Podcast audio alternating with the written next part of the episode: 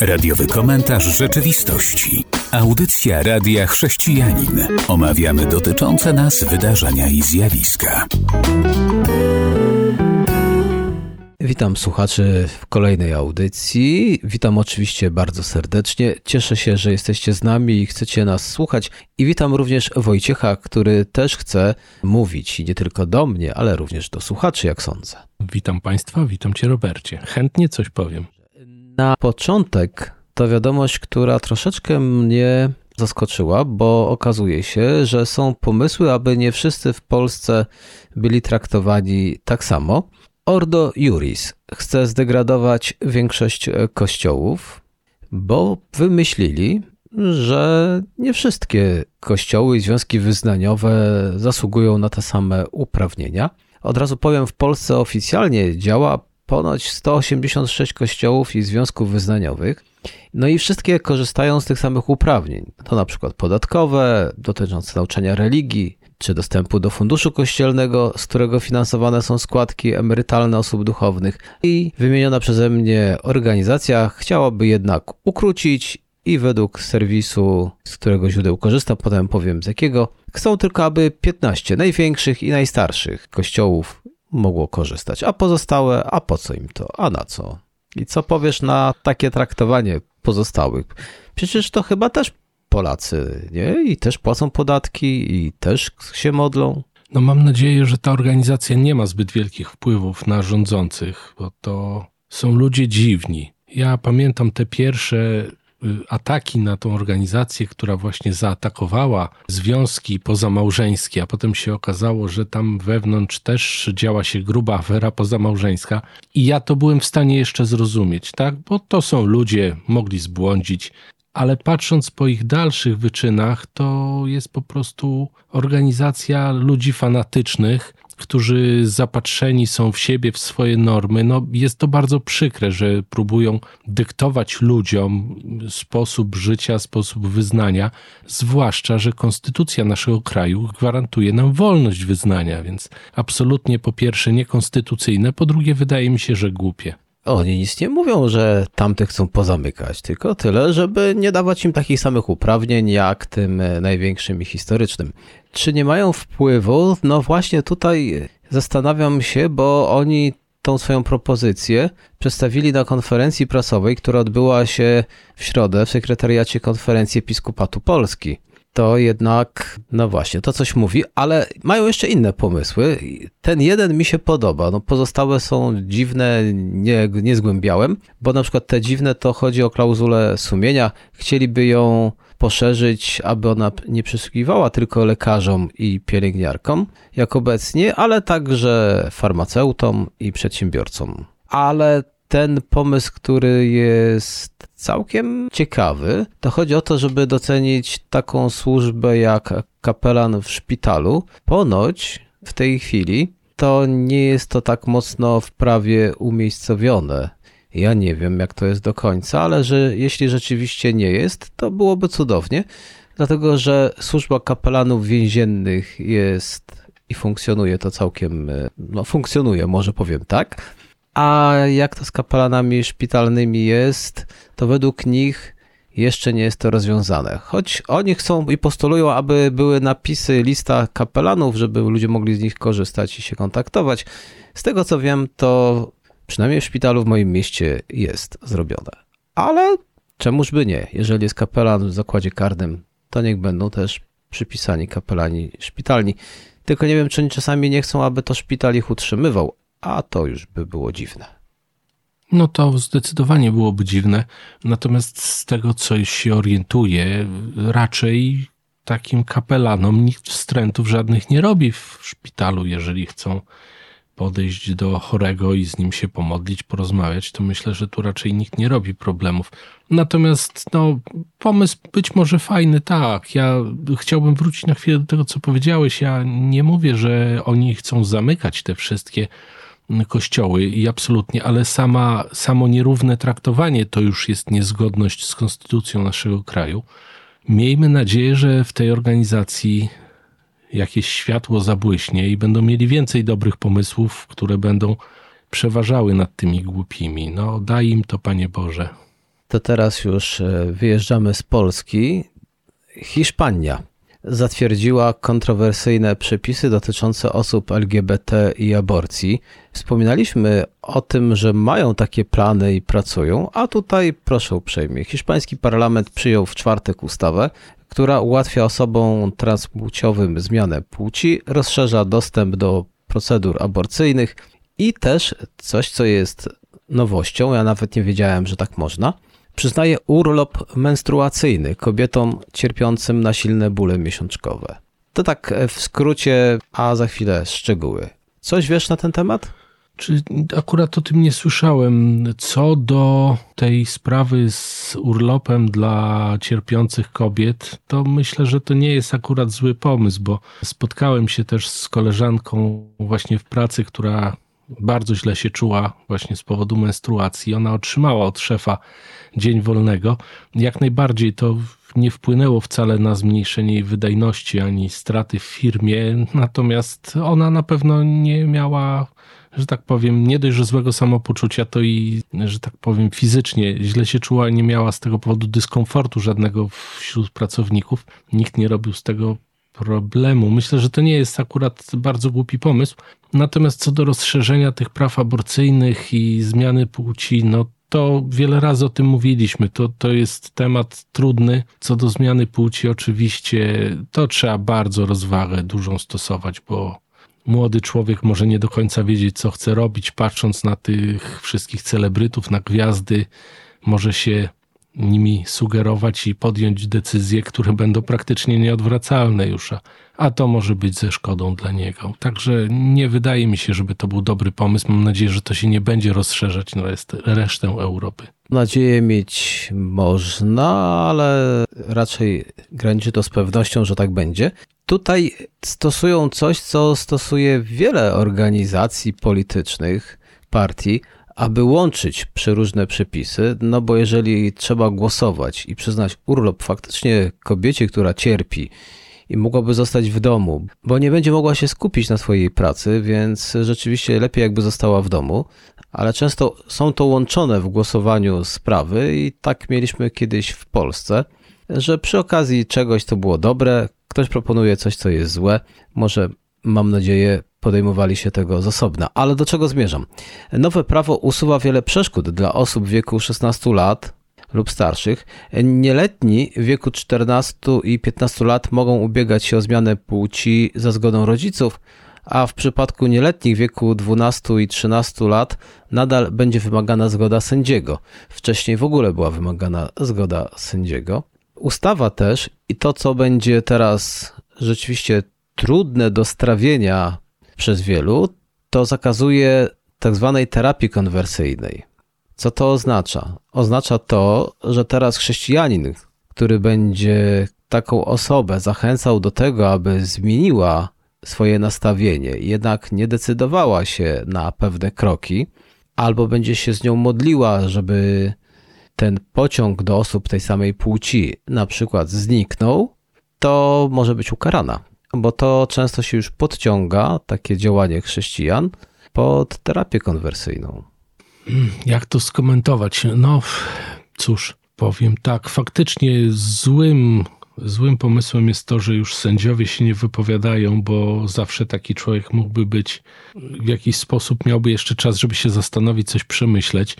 Co do tego, że ktoś się modli i mogłoby to być podciągnięte? No pewnie tak, zawsze się znajdzie jakiś oszołom, który zechce coś takiego zrobić, ale myślę, że dopóki nie jest to jasno uregulowane prawnie, a ciężko chyba by było prawnie zabronić modlitwy. A... Ale to już się stało. W innych krajach już się tłumaczą ludzie, którzy się modlą, którzy udzielają porad duszpasterskich takim osobom i mocno się tłumaczą e, i idzie ku temu, że będą też karani. Więc tutaj nie ma co się mocno zastanawiać. To zostanie wykorzystane i to 100% pewności.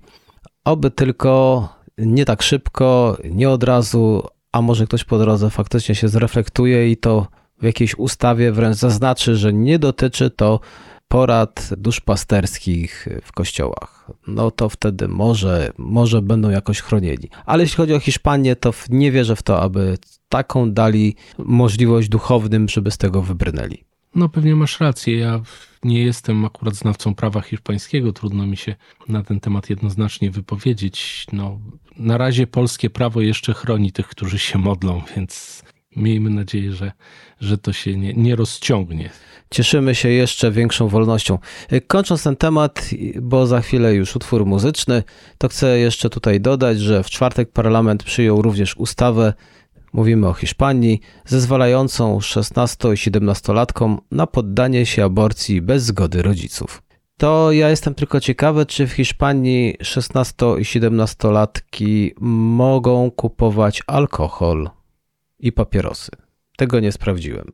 Bo bywa tak, że 16 i 17-latkom nie wolno kupić piwa, ale za to wolno skorzystać z aborcji. Dziwny ten świat. No, dziwny ten kraj. A teraz zapraszam na utwór muzyczny. To z Hiszpanii przenieśmy się na Ukrainę.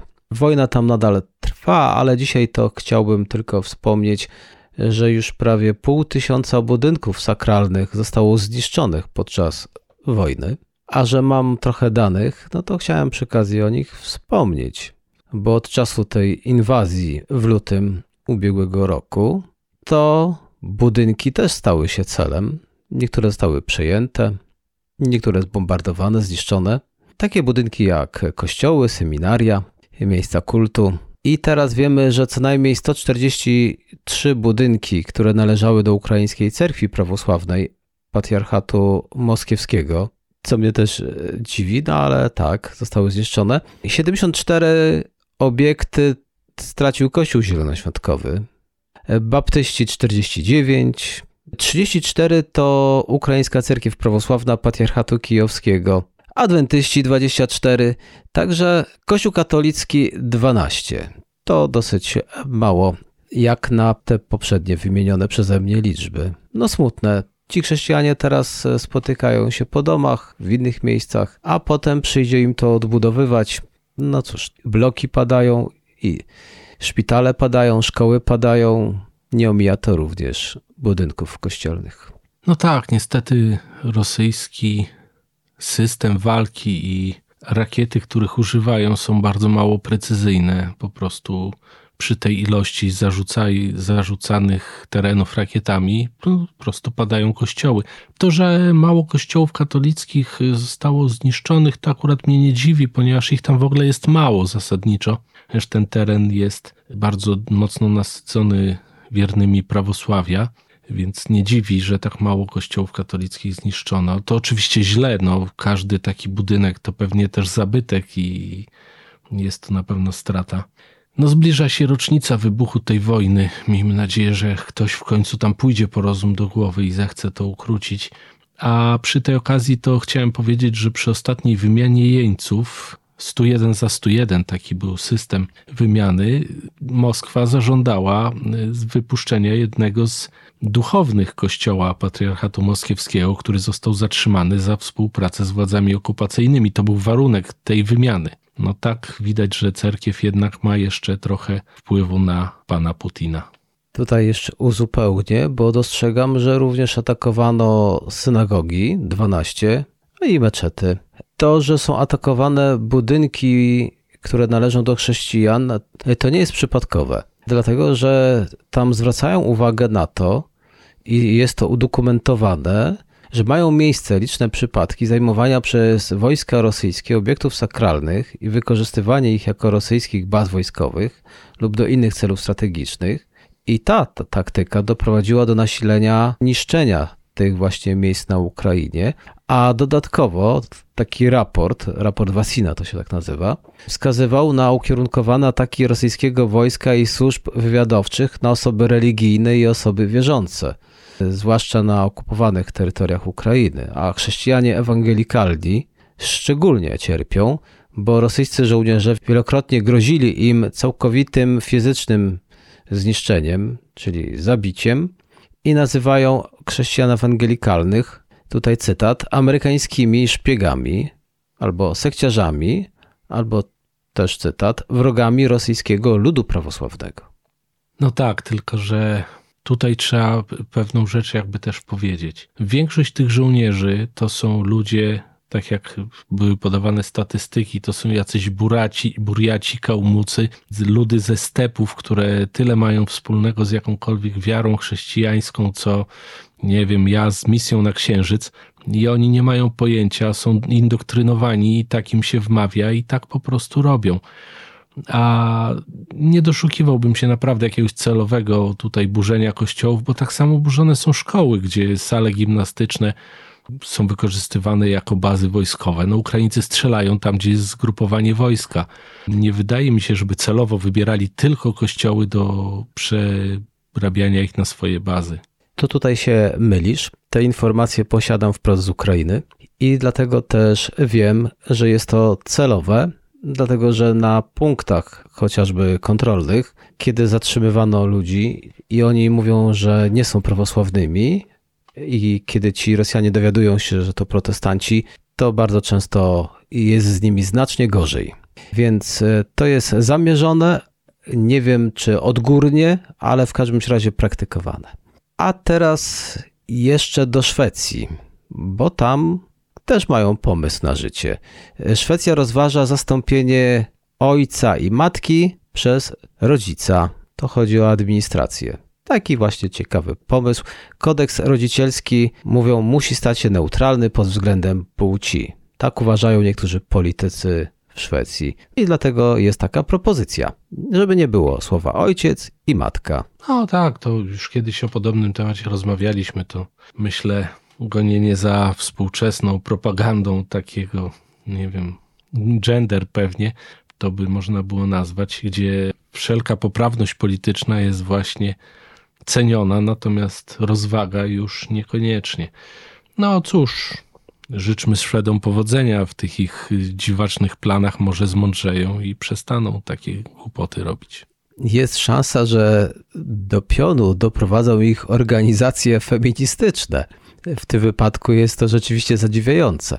Ale zanim powiem dlaczego, to teraz jeszcze powiemy, że w raporcie rządowym przedstawiono kilka propozycji zmian Jednym z nich jest zmiana pojęć takich jak ojciec i matka na rodzic, a w przypadkach, w których konieczne jest rozróżnienie między nimi, to wtedy będzie sformułowanie w stylu rodzic, który urodził dziecko, albo rodzic, który nie urodził dziecka. No cóż, to taka, bym powiedział, dziwna ich filozofia życia i kombinowanie. A o co chodzi? Organizacje kobiece mówią, że i tutaj dosłownie, cytat, Używanie określenia rodzic, który urodził dziecko, sprowadza kobiety do przedmiotu, narzekają tutaj krytycy. No więc faktycznie. Mam nadzieję, że posłuchają teraz kobiety, które nie chcą być sprowadzone do przedmiotu, tylko rzeczywiście chciałyby być docenione, że są żonami, matkami, że są kobietami. Znaczy, ja to mogę skomentować tylko pomijając całą paranoję tej sytuacji no to, to jest kwestia kłócenia się o słowa, no bo tak naprawdę co to za argument? Czy użyłem słowa matka, czy rodzic, który urodził? To jest kwestia nazewnictwa. Ale dobrze, że chociażby takich argumentów się chwytają, bo może i ci właśnie, którzy powinni być przyprowadzeni do pionu, jak powiedziałeś, może coś zrozumieją, może coś do nich dotrze, że to jednak nie wszyscy chcą tej nowomowy i tej, poprawności politycznej. A teraz e, czas na to, abyśmy mogli posłuchać utworu muzycznego, co też zrobimy. Zapraszam. A po utworze powracamy. Witam po przerwie i teraz chciałbym coś o młodzieży powiedzieć, bo jak dowiedziałem się, że prawie 80% młodych ludzi odczuwa strach i niepokój, gdy muszą wykonać e, telefon choć z wielu badań wynika, że utrzymywanie kontaktu w ten sposób sprzyja poprawie więzi z bliskimi.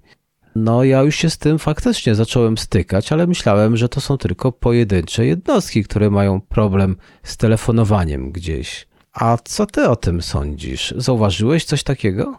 Że młodzi unikają rozmów telefonicznych?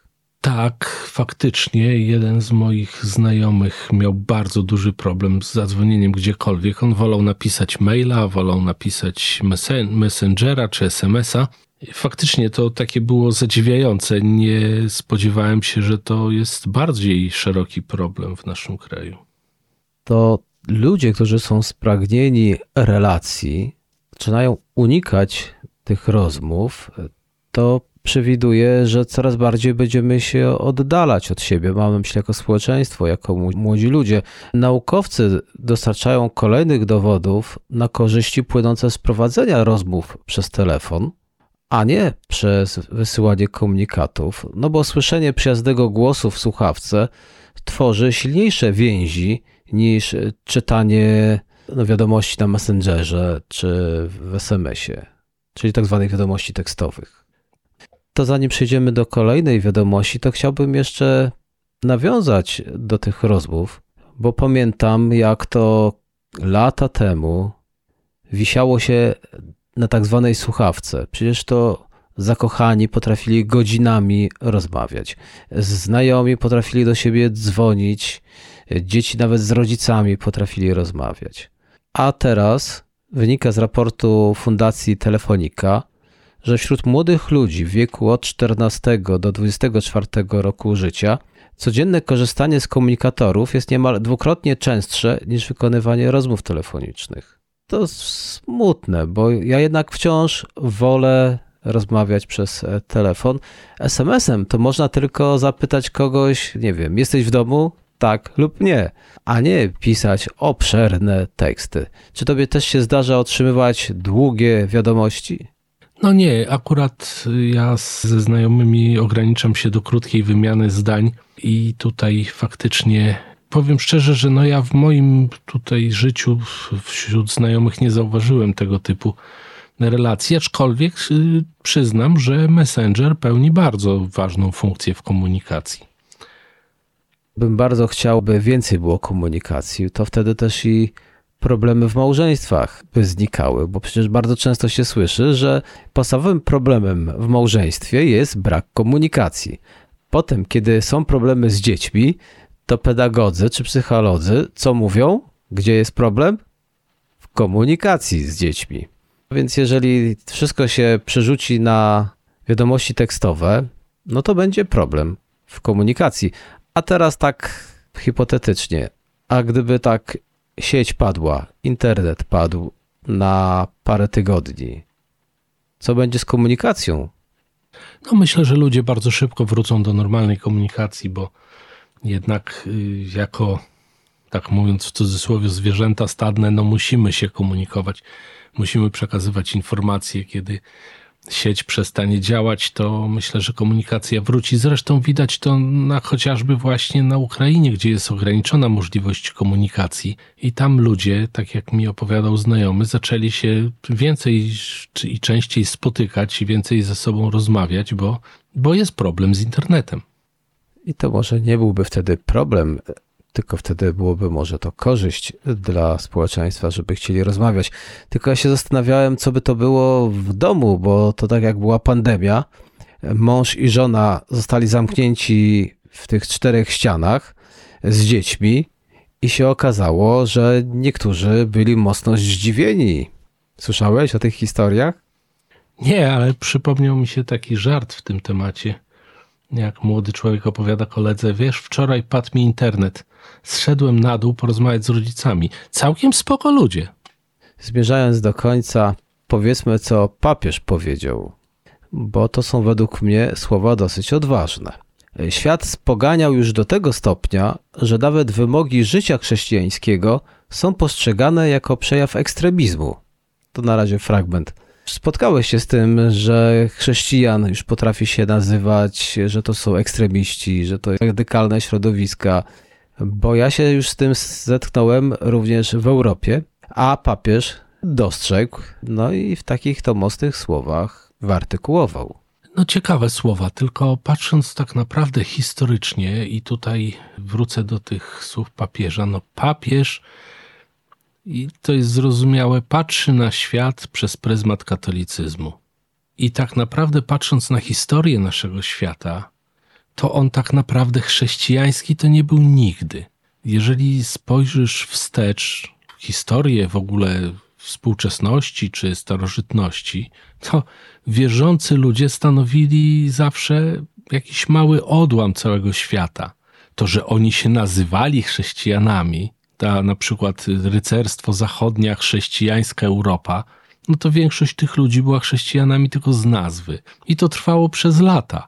Więc teraz mówienie o tym, że świat spoganiał, co jest, nie wiem, stwierdzenie od zarania dziejów praktycznie. To nic odkrywczego, wydaje mi się. Nadal uważam, że to jest dosyć odważne ze strony papieża, że tak to ujął, bo jak sam zauważyłeś, wielu ludzi chce postrzegać siebie jako chrześcijan, jako chrześcijańskie państwa, jako chrześcijańskie rejony, a on mówi wprost, że to już nie są chrześcijańskie rejony, więc z jakiej perspektywy on to mówi? W tym wypadku wydaje mi się, że chyba właściwej, gdzie wprost mówi, że to nie są już chrześcijańskie kraje, bo mówi wprost, świat spoganiał. A potem akcent widzę, że świat uważa, że chrześcijanie, którzy chcą się modlić, którzy nie chcą kraść, nie chcą gwałcić, którzy nie chcą, którzy nie chcą łamać wielu innych przykazań, no to to muszą być już ekstremiści, no bo nie da się z nimi dyskutować, bo nie chcą kłamać, bo nie chcą wiele innych e, rzeczy robić, no to muszą być ekstremiści, no bo ekstremalnie podchodzą do życia. No i wejdź tu z takimi, pogadaj, powie przeciętny obywatel, że z tobą to nie ma rozmowy, bo z tobą ani kraść nie pójdę, ani upić się nie pójdę. No i koniec rozmowy i relacji. No ale wiesz, to takie jest stwierdzenie. Przepraszam, ale tą wypowiedź ja odbieram tak, jakby wszyscy kradli, pili, gwałcili, a taka garstka została, która tego nie robi. No to nadal pozostanę przy swoim zdaniu na temat wypowiedzi papieża. Świat nigdy nie był chrześcijański i pewnie nigdy nie będzie w całkowicie chrześcijański. Tu świetnym przykładem jest Hiszpania, o której wspominaliśmy na początku audycji Przecież y, w czasach wypraw krzyżowych Hiszpania jako kraj była nazywana matką kościołem Mater Ecclesia, gdzie wszystko było podporządkowane katolicyzmowi, a ci ludzie po prostu zajmowali się wycinaniem kolejnych plemion dla zdobycia złota pod szyldem krzyża, pod szyldem Chrystusa. Co się zmieniło od tamtej pory? Nic. Została tylko nazwa. Większość ludzi po prostu fajnie jest być w jakiejś denominacji, a życie życiem. No to nadal uważam, że słusznie, że padły takie słowa. Mam nadzieję, że te słowa otrzeźwią wielu ludzi. No, świat spoganiał. Więc jeżeli kiedyś to się działo, no to trudno do tego się odnosić. To było kiedyś, ale my patrzmy na to, co jest teraz, bo wrogowie chrześcijaństwa będą nam to zawsze wypominać ale przecież, jak sam powiedziałeś, może to też właśnie byli poganie, którzy nazwali się chrześcijanami. A teraz łatwiej będzie nam odnosić się do tego, co jest teraz, a nie co kiedyś. A czy ja być może źle się wyraziłem? Ja nie neguję tego, że on powiedział to mądrze i w punkt. Absolutnie, tu się zgadzam. Natomiast uważam, że perspektywa, z której on patrzy, to jest trochę taka jednostronna. I tym to takim akcentem kończymy naszą dzisiejszą audycję. Dziękuję za uwagę. Dziękuję Państwu. Był to radiowy komentarz rzeczywistości.